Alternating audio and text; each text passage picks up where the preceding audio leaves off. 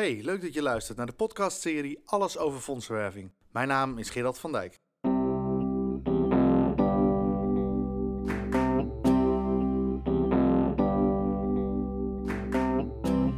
Je luistert naar een podcast van Grantio Fondsenwerving. Van harte welkom bij weer een nieuwe aflevering van de podcast Alles over fondsenwerving. En hoewel alles nogal een grote aanduiding is, kan ik met gepaste trots zeggen dat deze podcast inmiddels gevuld is met een groot aantal onderwerpen gerelateerd aan fondsenwerving. Bijvoorbeeld omgaan met opzeggers, 7 tips over inspiratie voor fondsenwervers, werken met een strategy map, 5 overeenkomsten tussen fondsenwerving en Formule 1, werven bij vermogensfondsen, online marketing voor goede doelen en nog veel meer. Deze keer gaan we het hebben over fondsenwerven volgens Benedictus. En of dat je nu gelovig bent of niet, maakt helemaal niet uit. Benedictus heeft een aantal principes waar elke fondsenwerver zijn of haar voordeel mee kan doen. En ik heb ook nog een leuke aanbieding voor je, maar dat straks. Benedictus was een monnik die leefde van het jaar 480 tot 547 in Norcia, Italië, ongeveer tussen Florence en Rome. Hij leefde als kluizenaar in de bergen een teruggetrokken bestaan. En al snel sloten meerdere mensen zich bij hem aan, waardoor als vanzelf een soort kloostersamenleving ontstond. Een van zijn voorgangers had al eerder eens een handboek geschreven voor kloosterlingen, met voorschriften over wat ze wel en niet mochten doen. Maar voor veel kloosterlingen was dit veel te streng, waardoor ze onmogelijk zich eraan konden houden. Daarom bedacht Benedictus een nieuwe leefregel, die veel milder van aard was, waardoor toegewijde monniken er ook aan konden voldoen. De essentie van het bestaan van monniken is het dienen van God. Daarom leven ze samen, omdat het volledig dienen van God met alles wat je hebt en bent niet past in een regulier leven met een gezin, een baan en nog andere verplichtingen. Maar monniken moeten ook eten. En daarom hebben veel kloosters een eigen moestuin. Wordt er bijvoorbeeld bier gebrouwen en vindt er vaak andere handenarbeid plaats wat geld oplevert om van te bestaan. Dus zelfs een monnik leeft niet van gebed alleen. Het verrassende is dat die leefregel die Benedictus 1500 jaar geleden bedacht, nog steeds zeer actueel en toepasbaar is op verschillende gebieden. Zoek online maar eens even op Benedictus en je wordt overladen met inzichten die ontleend zijn aan de inzichten van deze wijze monnik. En ook ik sluit me aan in de rij met deze podcast, fondsen werven volgens de leefregels van Benedictus. En hoewel wij geen monniken zijn of in een kloosterorde leven, zijn er een paar principes die voor fondsenwervers van grote waarde kunnen zijn. Ik wil drie principes uitlichten die jou kunnen helpen een betere fondsenwerver te worden. En dat zijn stabilitas, obedienta en conversio. En bij die laatste denk je misschien meteen al aan conversie. Nou, het heeft er wel iets mee te maken. Hoe dat precies zit, vertel ik je straks. Maar eerst beginnen we met stabilitas. Van het Latijnse woord stabilitas is ons woord stabiliteit afgeleid. Het laat zich vertalen met woorden als blijvend, standvastig en bestendig. Voor de monniken gold dat het bestuderen van de Bijbel en bidden belangrijke doelen waren. Dat ging echt niet vanzelf. Ook monniken moeten werken voor hun eten en zij moeten hun onderkomen onderhouden. Zoals toen gold en ook nu, moet je voor belangrijke zaken tijd vrijmaken en tijd vrij houden. Dat vraagt om inzet en volhouden.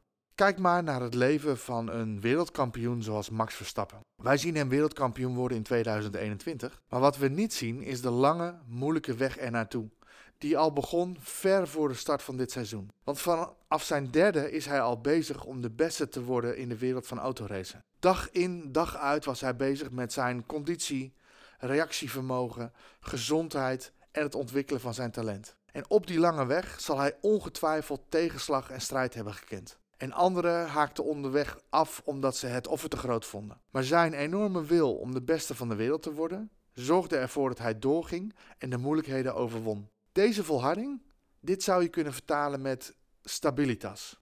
En misschien denk je nu, wacht even, jij vergelijkt het leven van een monnik met die van Max Verstappen? Ja, in zekere zin wel ja. Op het gebied van standvastig zijn in wat je doel is, denk ik dat zowel Max Verstappen als een monnik zich daarin kunnen herkennen. En wat moet ik daar dan mee als fondsenwerver? Ik heb niet eens de ambitie om te leven als een monnik of als Max Verstappen. Dat begrijp ik. En ik geef je daarin de hand. Ik heb die ambitie ook niet. Maar toch denk ik dat de goede fondsenwervers van de slechte onderscheiden kunnen worden op stabilitas. Wie gaan er door wanneer het moeilijk wordt en wie geven er op? Wie verschuilen zich achter smoesjes en wie vinden een andere manier? Stabilitas voor fondsenwervers betekent dat je een tandje erbij zet als resultaten uitblijven. Omdat je weet dat de missie van jouw geliefde goede doel dan niet uitgevoerd kan worden. Het gaat om een toewijding die verder gaat dan je uren maken. Het gaat vooral ook om het maken van keuzes. Voor de zaken die echt belangrijk zijn voor je fondsenwerving. En het lef om de rest uit je agenda te weren. Als je ooit in een klooster bent geweest, dan weet je dat de gebedstijden heilig zijn. Niet alleen heilig in de vorm van het bidden zelf, maar ook dat de andere werkzaamheden eromheen worden georganiseerd. Een monnik weet wanneer het bijna tijd is voor gebed en zal het werk neerleggen om op tijd in de gebedsruimte te zijn. Want wat bidden is voor een monnik, zou fondsenwerven voor een fondsenwerver moeten zijn. Klinkt als vanzelfsprekend, hè? Maar helaas is de praktijk vaak anders. Je wordt opgeslokt door allerlei zaken waardoor je soms niet meer aan je eigenlijke werk toekomt. Zorg er daarom voor dat alle mensen om je heen weten wat jouw gebedstijden, jouw prioriteiten zijn, zodat zij daarin kunnen meebewegen. Niet omdat jij belangrijker bent dan iemand anders in de organisatie, maar omdat fondsenwerving belangrijk is. Het is als het ware het gebed van jouw organisatie. Want zonder inkomsten functioneert het niet. Net zoals een monnik die het zoeken van God ondergeschikt maakt aan het verbouwen van voedsel of andere handenarbeid. Precies, dat slaat nergens op. En ja, misschien ben je daarmee een monnik binnen je eigen organisatie, omdat anderen zich niet met fondsenwerving bezighouden, of omdat zij het zien als een baan waarvoor ze betaald krijgen. Maar jij bent anders. Het feit dat je luistert naar deze podcast betekent dat je zoekt naar manieren om te groeien in je rol als fondsenwerver. Ik feliciteer je daarmee. Want met de wil om te groeien en de toewijding daarvoor kom je verder in het leven. Het zal niet altijd makkelijk zijn, maar de aanhouder wint. Dus maak van stabilitas een principe in je leven en je zult zien dat het vrucht oplevert. We zijn aangekomen bij het tweede principe van Benedictus die wij als fondswervers kunnen toepassen in ons werk. Obedienta. Misschien ken je hier het Engelse woord obedience in, wat gehoorzamen betekent. Niet zo'n leuk woord, hè? Vaak betekent het dat je iets moet, wat je niet altijd zelf wilt. Maar het laat zich beter vertalen met opmerkzaam horen. Dus echt luisteren en gehoor geven. Dat zijn twee verschillende kanten die niet hetzelfde zijn. Echt luisteren gaat erom dat je hoort wat die ander zegt, dat je volledige aandacht hebt voor de ander en dus niet in gedachten bezig bent met wat jij al wil gaan zeggen. En een van de monniken beschrijft dat als luisteren met je hart. Een hele mooie beschrijving wat mij betreft. Want om met je hart te kunnen luisteren, moet je onbevangen zijn, onbevooroordeeld en onverdeeld. Onbevangen betekent dat je helemaal open staat voor wie die ander is en wat die ander te vertellen heeft. Onbevooroordeeld houdt in dat je zonder oordeel luistert naar die ander en geen oordeel vormt op basis van hoe de ander eruit ziet, hoe de ander woont, welke rijkdom iemand heeft of niet, enzovoort, enzovoort. En onverdeeld wil zeggen dat je volledig de aandacht richt op die ander. En dus niet in gedachten bezig bent met je volgende afspraak of het etentje met je partner die avond. Je ziet, luisteren met je hart is nog niet zo makkelijk als dat het lijkt. Maar het goede nieuws is dat je het kan leren. Je kunt jezelf erin oefenen. Elk gesprek weer kan je jezelf weer voorhouden om onbevangen, onbevooroordeeld en onverdeeld te luisteren naar je gesprekspartner. De KRO heeft een uh, tv-serie gemaakt over het kloosterleven. Via uitzending gemist kan je tal van afleveringen terugvinden. En je zult zien dat bijna bij elk interview de monnik in kwestie volledige aandacht heeft voor de interviewer en openstaat voor zijn vragen. Het zijn bijna altijd plezierige gesprekken om naar te kijken. Ik gun jou dat je net zoals de monniken leert luisteren vanuit je hart. En dat je daarmee een plezierige gesprekspartner bent voor wie je ontmoet. Ik heb het al vaker gezegd: mensen geven aan organisaties die ze kennen, waarderen en vertrouwen. En iedere keer wanneer jij met iemand in gesprek gaat, vertegenwoordig jij jouw organisatie. Dus de mate waarin jouw gesprekspartner jou vertrouwt, is bepalend voor hoe men naar jouw organisatie kijkt. En het opbouwen van vertrouwen begint met oprecht en toegewijd luisteren naar die ander. En dan het tweede deel van obedienta, het gehoor geven. Dat klinkt een beetje ouderwets, gehoor geven. Het betekent dat je handelt op basis van wat je hebt gehoord. Anders gezegd, je laat die ander merken: ik heb je gehoord. Ik heb begrepen wat je tegen me hebt gezegd. Uit verschillende wetenschappelijke studies komt naar voren dat gehoord en gezien worden de belangrijkste behoeften zijn van mensen na de eerste levensbehoeften zoals eten, drinken en veiligheid. En wie verschillende social media kanalen bekijkt, weet ook dat het waar is.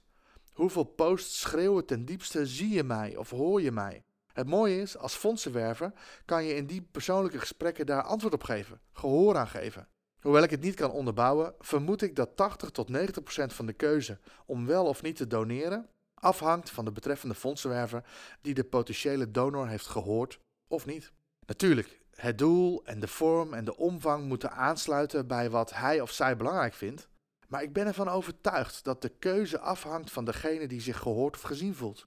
Dat betekent ook dat het grootste deel van het gesprek niet over jouw organisatie of over jouw project gaat, want je kunt alleen oprecht luisteren wanneer je zelf niet spreekt. In de aflevering Werven bij Major Donors ga ik daar dieper op in. Om in de praktijk te ervaren of dat mijn theorie ook werkt, daag ik jou uit voor een experiment. Voer je eerstvolgende vijf gesprekken op basis van dat je jouw project centraal stelt in het gesprek. Tenminste 60% van het gesprek gaat over jouw organisatie en of jouw project. Leg vast met wie je deze vijf gesprekken hebt gehad. Daarna voer je ook vijf gesprekken met mensen waarin je jouw gesprekspartner centraal zet. Je luistert onbevangen, onbevooroordeeld en onverdeeld naar wie die ander is, wat hem of haar drijft in het leven. En tenminste 80% van het gesprek gaat over die ander. Ook bij deze groep leg je vast met welke mensen je deze gesprekken op basis van Obedienta hebt gevoerd. Om tot een goed vergelijk te komen van beide gesprekstechnieken is het van belang dat je bij beide groepen in elk geval een G-vraag stelt. Het is leuk om een half jaar later of een jaar later te kijken hoe de relatie met deze personen zich heeft ontwikkeld. Tot slot over Obedienta. Als het goed is, blijkt dat je de ander ook echt hebt gehoord uit het voorstel wat je daarna voorlegt. Mocht dat niet het geval zijn, spreek het dan ook gewoon uit. Beste Johan, ik merk dat ik niet goed heb begrepen wat voor jou of jullie belangrijk is in de keuze om dit project te ondersteunen. Ik bied je daarvoor mijn excuses aan. Is het mogelijk dat we hier nog een keer kort over doorpraten, zodat ik een voorstel kan doen wat beter aansluit op jou of jullie wensen? Hiermee laat je zien dat je die ander niet goed hebt gehoord, maar dat het wel belangrijk voor je is. Het zou mij verbazen als die ander daar dan afwijzend op zou reageren. Goed, we hebben het gehad over stabilitas en obedienta en dan rest ons nog conversio. En in dit woord zal je als fondsenwerver ongetwijfeld het woord conversie herkennen. En de link tussen beide woorden is ook duidelijk. Conversio gaat over omzetting. Of misschien is verandering een beter woord. En dan vooral verandering in kleine stapjes.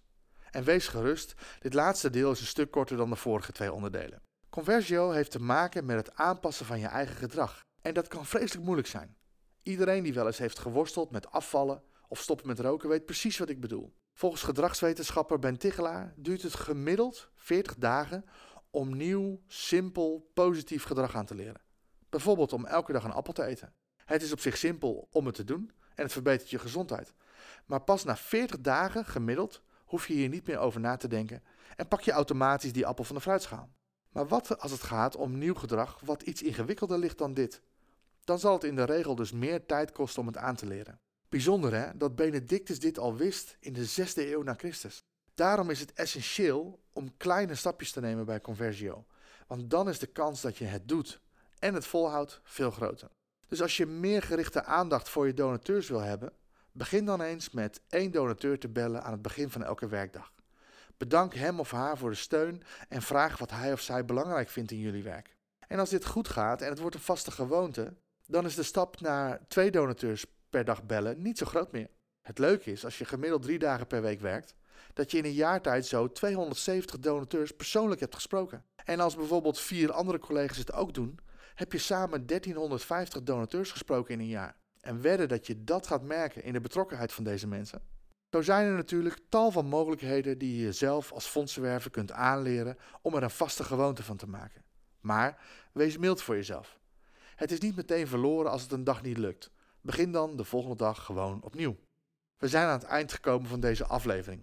Ik wil je uitnodigen om stabilitas, standvastigheid, obedienta, luisteren en gehoor geven, en conversio, elke dag een beetje beter, toe te gaan passen in je fondsenwerving. Ik weet zeker dat het een verschil gaat maken en ik zou het heel leuk vinden als je me laat weten wat het voor jou betekent. Als dank voor het luisteren van deze aflevering heb ik een aanbod voor je. Je kunt namelijk gratis een aflevering van de e-learning fondsenwerving volgen. Ga hiervoor even naar de website www.garantiu.nl. Maak eerst een gratis account aan en gebruik dan de kortingscode Benedictus in de webshop. Je kunt kiezen uit 14 verschillende onderwerpen en bij elk onderwerp hoort materiaal waar je meteen mee aan de slag kunt. Ik wens je heel veel plezier en succes met je fondsenwerving. Voor meer informatie ga je naar grantioe.nl.